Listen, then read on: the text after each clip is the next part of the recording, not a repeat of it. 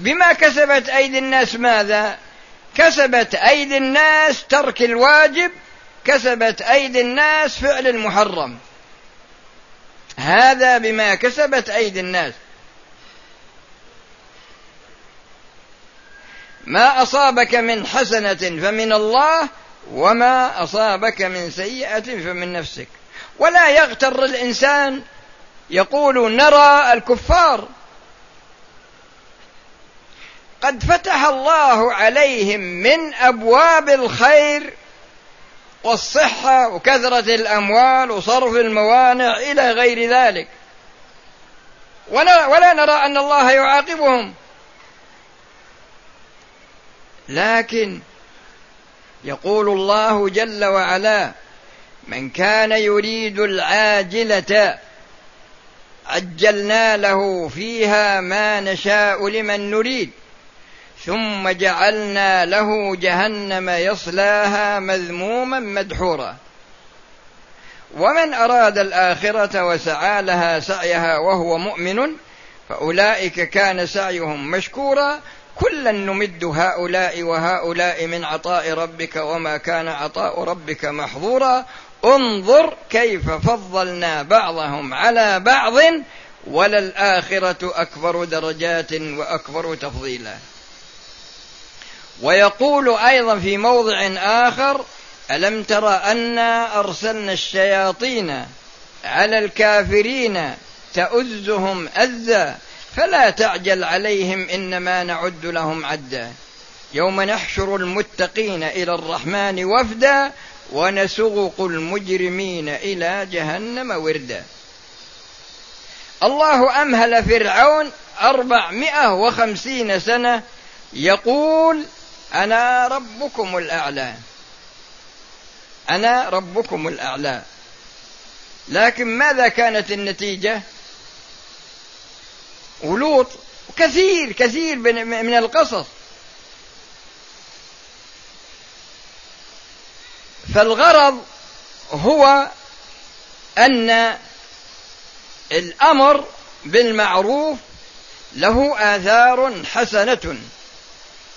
على الفرد والأسرة والمجتمع في الدين والدنيا وفي الآخرة.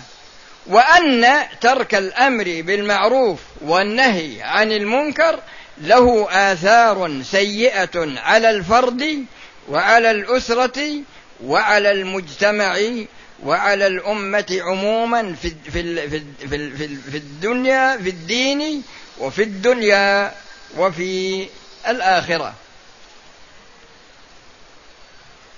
إذا نظرنا إلى المعوقات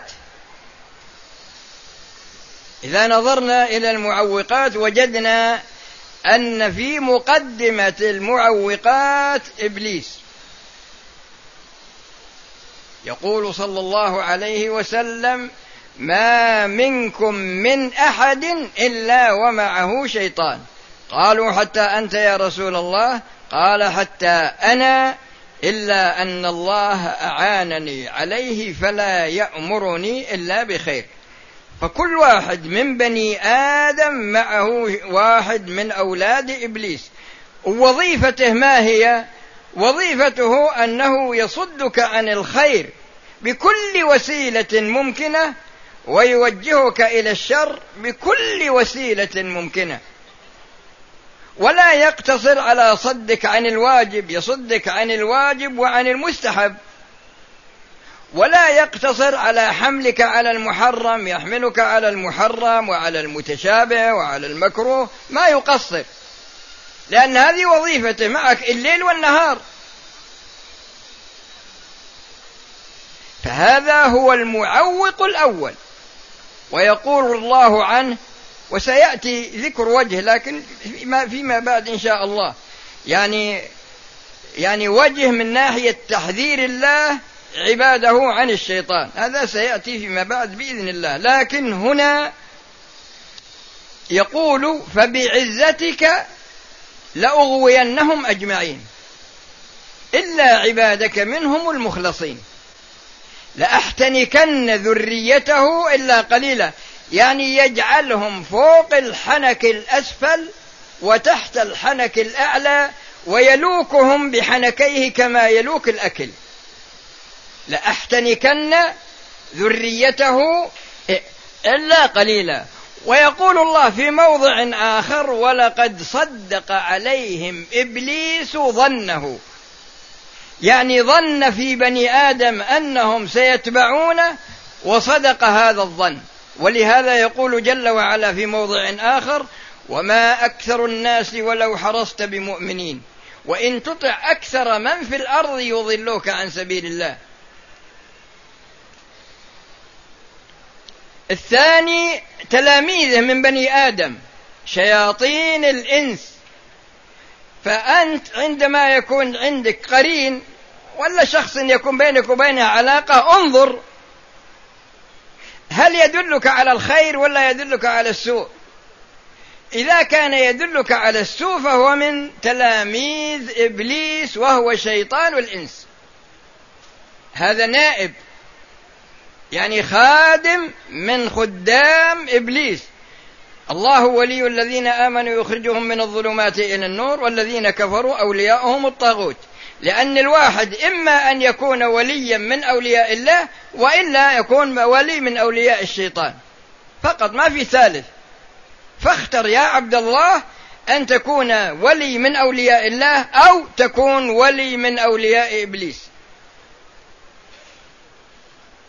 الثالث المعوق الثالث الهوى يعني رغبة الإنسان. يقول والله هذا فلان في كذا وفي كذا. والله ما أنا قايل للشيء أخاف إني إذا قلت للشيء إني أثر عليه في أمور. يعني يصير هواه إن شافه ضعيف. يمكن يمكن يمكن أنه يعاقبه بالضرب. ويقول لها أنت تفعل هذا هذا حرام. تترك هذا هذا واجب. لكن إذا رأى شخص له سلطة تجد إنه ويستطيع إنه يأمره وينهاه لكن إنه يخاف على مصلحته الدنيوية. يخاف إنه إذا أمره بمعروف أو نهاه عن منكر يضره في مصلحته الدنيوية.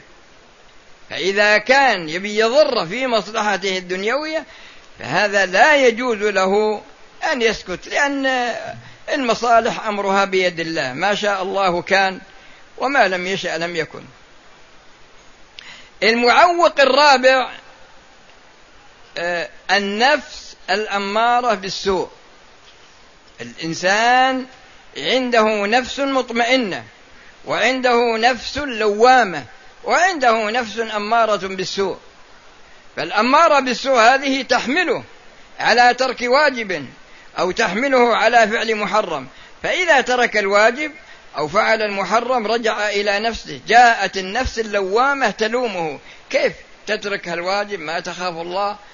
كيف تفعل هذا المحرم؟ ما تخاف الله. فتأتي تنصحه بعدما حملته على ترك الواجب وفعل المحرم تكيفت بصفة أخرى لأن النفس واحدة لكنها تتكيف بحسب العوامل المؤثرة عليها.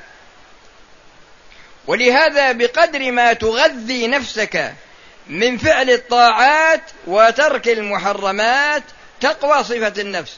وبقدر ما ترتكبه من الأمور المحرمة أو, تف أو تتركه من الأمور الواجبة فإن النفس تضعف. فتكون مثلا يعني تصل إلى درجة أنها تكون أمارة بالسوء لأنها ضعيفة ما عندها حصانة.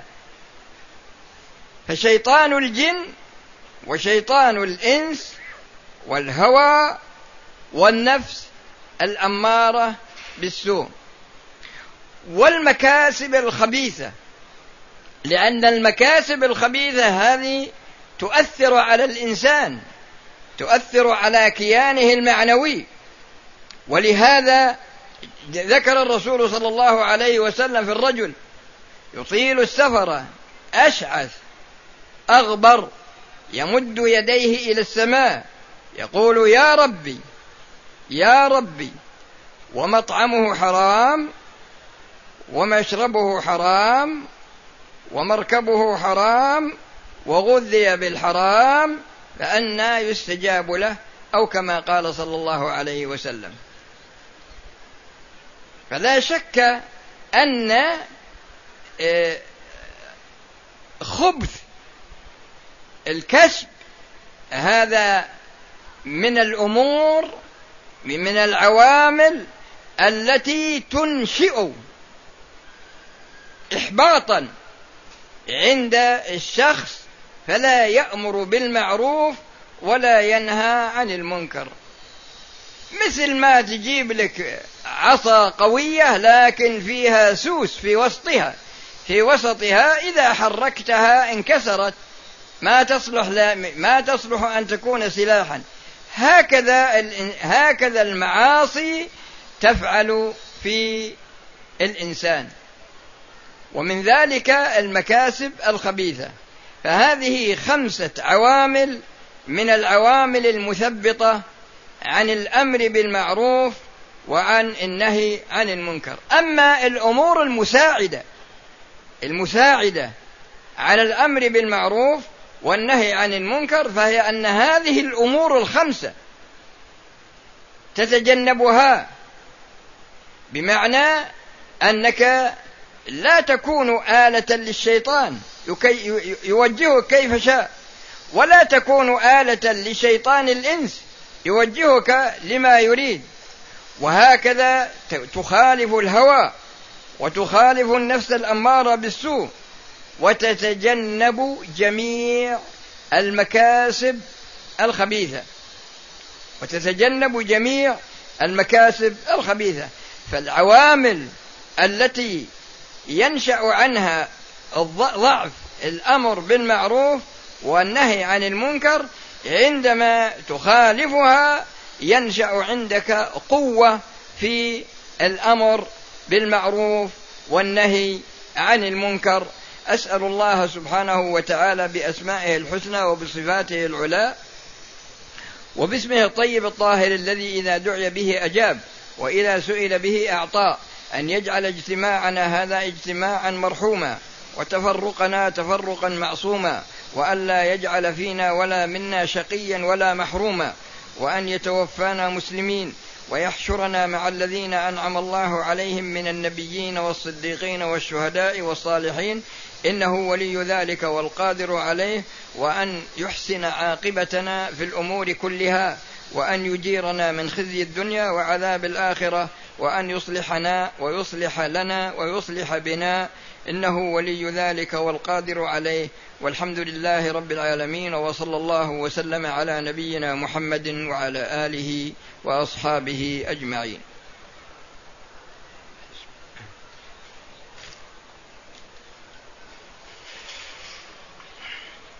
أجمعين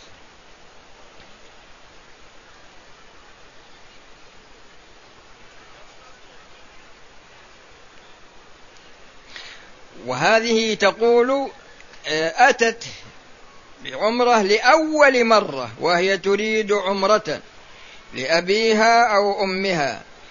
إذا كان أبوها متوفى أو أمها متوفاة أو كان عاجزا عن المجيء أي واحد منهما عاجز عن المجيء ما فيه مانع من الإتيان له بعمرة لكن إذا كان حيا فإنه يخبر قبل التلبس بالعمرة.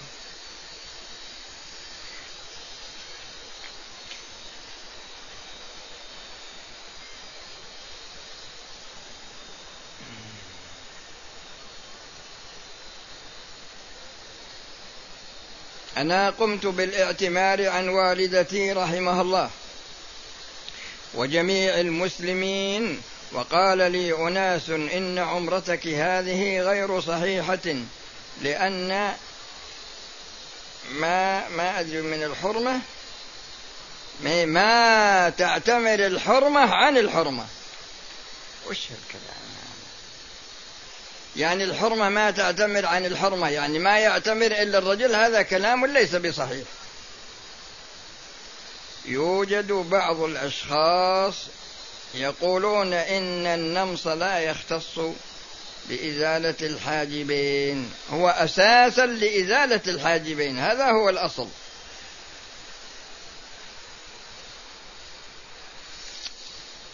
الناس يصير ملقوفا سيء أدب.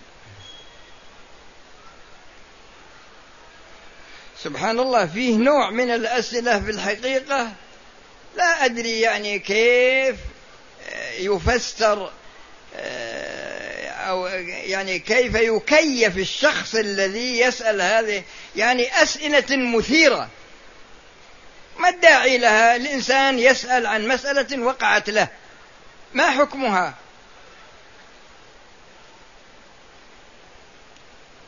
وهذا يقول ما صفة ما صيغة الاستغفار عن الأموات. يا أخي ادعو لهم ادعو لهم بالمغفرة. اللهم اغفر لهم وارحم. مثل ما تدعو في صلاة الجماعة.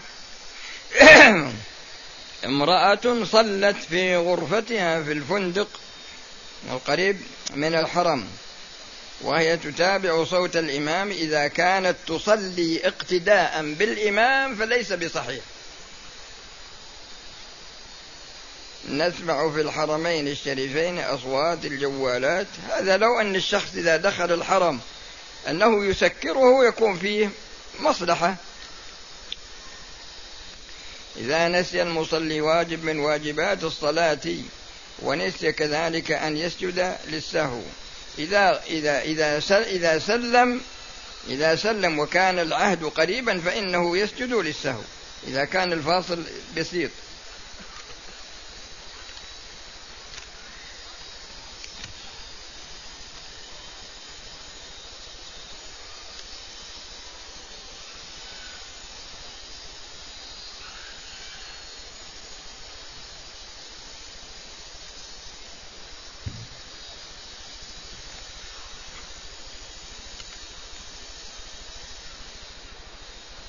وهذا يقول يوجد في بعض البلدان يعني أمور وأنا بقرأها عليكم لمزيد الفائدة والا هي طويلة شوي. الأمر الأول يقول يوجد في بعض بلادنا يرددون يعني بعد الميت يعني يصيرون يمشون خلفه ويرددون بصوت مرتفع يقولون لا إله إلا الله وأن محمدا رسول الله من خروجه من بيته حتى حتى يصل إلى القبر. شهادة أن لا إله إلا الله وأن محمدا رسول الله ما فيها إشكال. لكن كونها بصوت جماعي وبصوت مرتفع هذا من البدع لأن هذا لم يفعل. في عصر الرسول صلى الله عليه وسلم حينما توفي ولا في أبي ولا فعله أبو بكر ولا عمر ولا عثمان ولا الصحابة ولا التابعون. السؤال الثاني يقول يوجد في بعض المساجد استغفار برفع الصوت بعد الصلاة والصوت يكون جماعي هذا أيضا من البدع. ثلاثة يوجد بعض المشعوذين بزعمهم أنهم يعلمون الغيب بواسطة الجن وينسبون أنفسهم إلى السادة. نعم هؤلاء من سادة إبليس. وهم من الذين لا خير فيهم. فما النصيحة التي توجه؟ هذا مسؤوليتهم على حاكم البلد. يبلغ عنهم لأن هذا لا يجوز. الله سبحانه وتعالى يقول قل لا يعلم من في السماوات والأرض الغيب إلا الله. فهم شركاء أصبحوا شركاء مع الله في علم الغيب. فهذا شرك أكبر. وهذا يسأل عن الرقية في القرآن ما فيها شيء وكذلك من السنة. والرابع يقول إنه يوجد عندنا ما يسمى يقول جاء عندهم جماعات متفرقة وش الطريقة فيهم؟ الطريقة فيهم كما قال صلى الله عليه وسلم الجماعة المعتبرة من كان على من كان هديه موافقا لهدي الرسول صلى الله عليه وسلم. وهذا يقول إن فيه ناس يدخلون المسجد ويحولونه إلى مطبخ يطبخون فيه ويأكلون لا هذا يجب إخراجهم عنه. ورجل لديه زوجتان عقي... عقي... زوجتان عقيمتان. يا طيب يتزوج ثالثة. الحمد لله. وإذا ما كفت الثالثة يتزوج رابعة والحمد لله.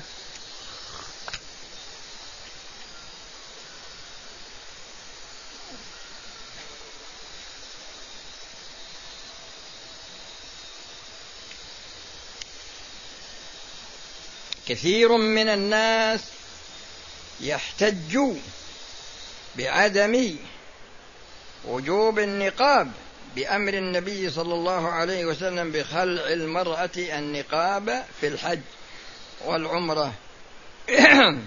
الرسول صلى الله عليه وسلم نهى المحرمة أن تنتقب فهذا دليل على أن النقاب موجود في غير الحج. والرسول صلى الله عليه وسلم عربي. ولماذا لم يمنع النساء من النقاب مطلقا؟ وإنما منعهن في حال الإحرام. نهاها عن نهاها عن النقاب في الإحرام ولكن أمرها أن تلبس غطاء على الوجه إذا رأت الرجال الأجانب أو رأوها. إذا نسي المصلي ركنا من أركان الصلاة أتى به وبما بعده وسجد سجود السهو. نعم ما في مانع هذا. إذا إذا نسي ركن من الأركان إذا نسي من ركن من من إذا نسي ركن من ركعة سقطت الركعة كلها وصارت التي بعدها عوض عنها. خذ بس. تزوجت من عام 1420 ويوجد عندي زوجتي ذهب مع أهل الزينة ولم تزكيه وقد سمعت أن بعض العلماء يقول لا لا تزكيه.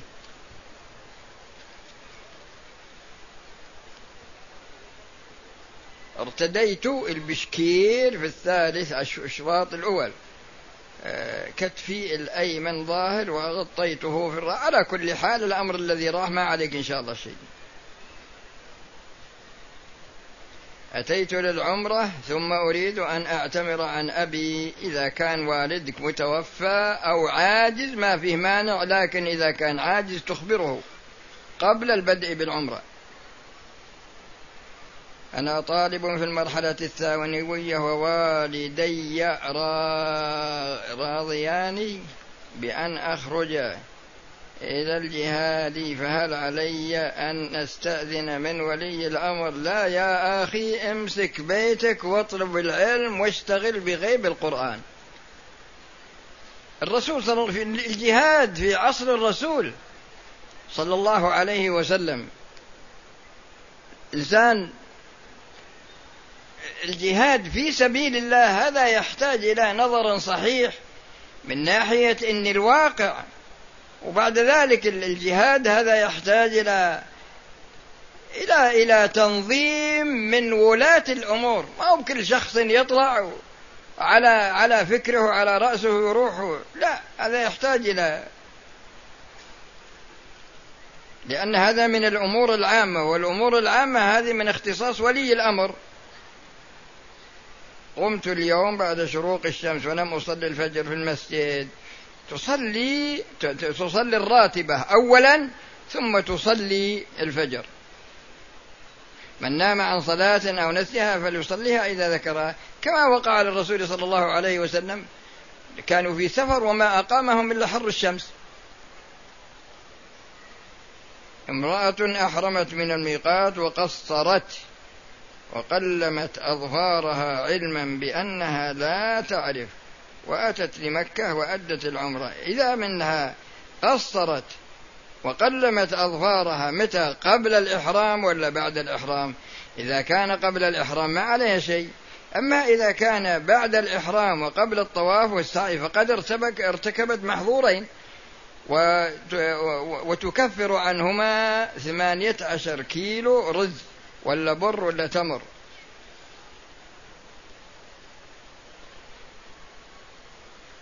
وهذا يقول وش الواجب على الذي يوسوس في الوضوء؟ يا أخي يستعيذ يسمي ويستعيذ بالله من الشيطان الرجيم ويغسل آه، أعضاء الوضوء بعد ذلك لا يعيد الوضوء. وهذا يقول الهدايا بعد الشراء علما أنني إذا لم أشتري شيئا فلا يهدى إلي. الهدية هذه يا أخي هي عبارة عن تنزيل في السعر عن المحلات الأخرى ومعنى ذلك أنهم يريدون إنفاق إيه، يعني إنفاق السلع التي عندهم وكساد السلع الأخرى. وهذا يسأل عن العادة السرية لا تجوز وأنصحك بالزواج. يا معشر الشباب من استطاع منكم الباءة فليتزوج فإنه أغض للبصر وأحصن للفرج ومن لم يستطع فعليه بالصوم فإنه له وجاء تصوم صيام داود عليه السلام. تصوم يوما وتفطر يوما. ما حكم من دخل مكة لأول مرة وجلس في منزل لمدة شهر تقريبا؟ فهل عليه شيء؟ إذا كان إنه ما أخذ عمرة في, في عمرة فهذا واجب عليه أن يعتمر وقد ترك واجبا.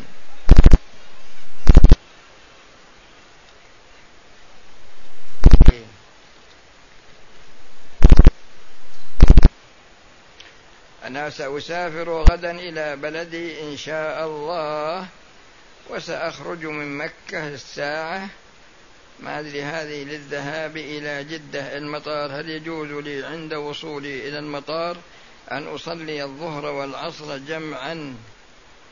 إذا منك سافرت الضحى من هنا قبل دخول وقت الظهر فأنت تجمع بين الظهر والعصر قبل السفر. أما إذا سافرت بعد صلاة الظهر فأنت تصلي الظهر هنا وتصلي العصر إذا دخل وقته قصرا. لكن ما تجمع هنا. ماذا كان؟ هذا يسأل عن تكبيرات صلاة الجنازة. أنا ما أدري هو ما صلى معنا تو ولا المغرب ولا ما. وش هالسؤال هذا؟ سبحان الله بعض الناس وهذا يسأل عن أجر النافلة. بما يا أخي اعمل واترك الأمر لله الله كريم. دخلت المسجد الحرام قبل المغرب بعشر دقائق ما الأفضل أصلي ركعتي تحية المسجد أم أجلس؟ لا. تطوف إن أمكن فإن لم يتيسر لك فإنك تصلي ركعتين قبل الجلوس. أتيت من من بلاد كذا وفعلت عمرة عن نفسي أريد أن أعمل عن أبي رحمه الله. نعم تعمل وجزاك الله خيرا وتقبل منا ومنك لأن والده متوفى. حسب ما ذكر في السؤال. المرأة إذا كانت تدخل الحرم لا ما يجوز يا أخي. امرأة ذات دين ولكنها اسمع امرأة ذات دين ولكنها سيئة الأخلاق. ولكنها سيئة الأخلاق مع زوجها.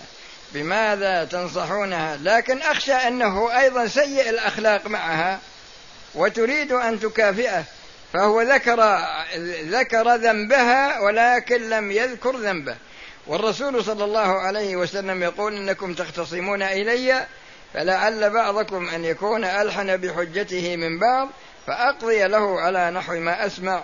فمن قضيت له بحق أخيه فإنما أقطع له قطعة من نار فليأخذها أو ليذرها. لكن انظر إلى نفسك وإليها كل واحد منهما منكما يأخذ الحق الذي له ويعطي الحق الذي عليه.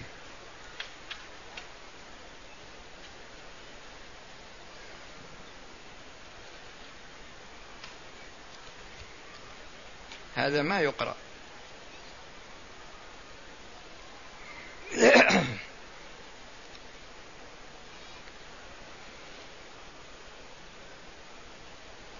إلى أين أخرج للإحرام عن أبي؟ إذا كنت في مكة تخرج إلى عرفة وإلا إلى التنعيم.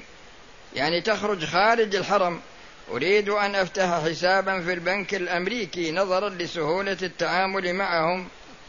لا إذا كان يتعامل بالربا لا تفتح عنده.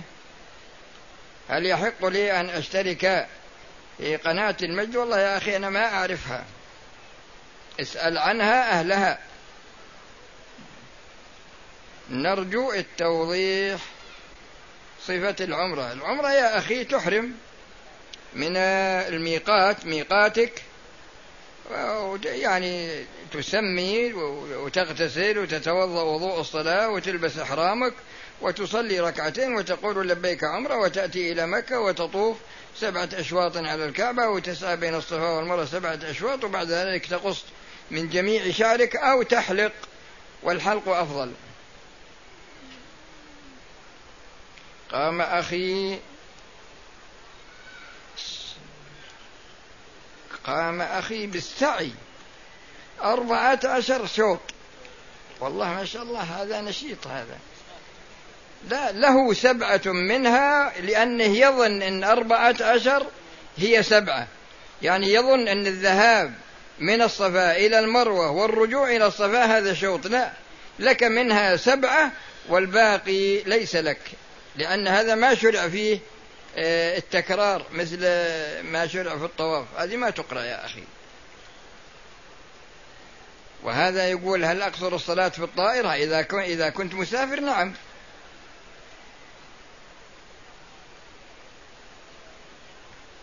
هذا يسأل عن آه، الإنسان عندما يأتي إلى قبر الرسول صلى الله عليه وسلم. أولا أن الرسول صلى الله عليه وسلم قال لا تشد الرحال إلا إلى ثلاثة مساجد. فمن شد رحله قاصدا زيارة قبر الرسول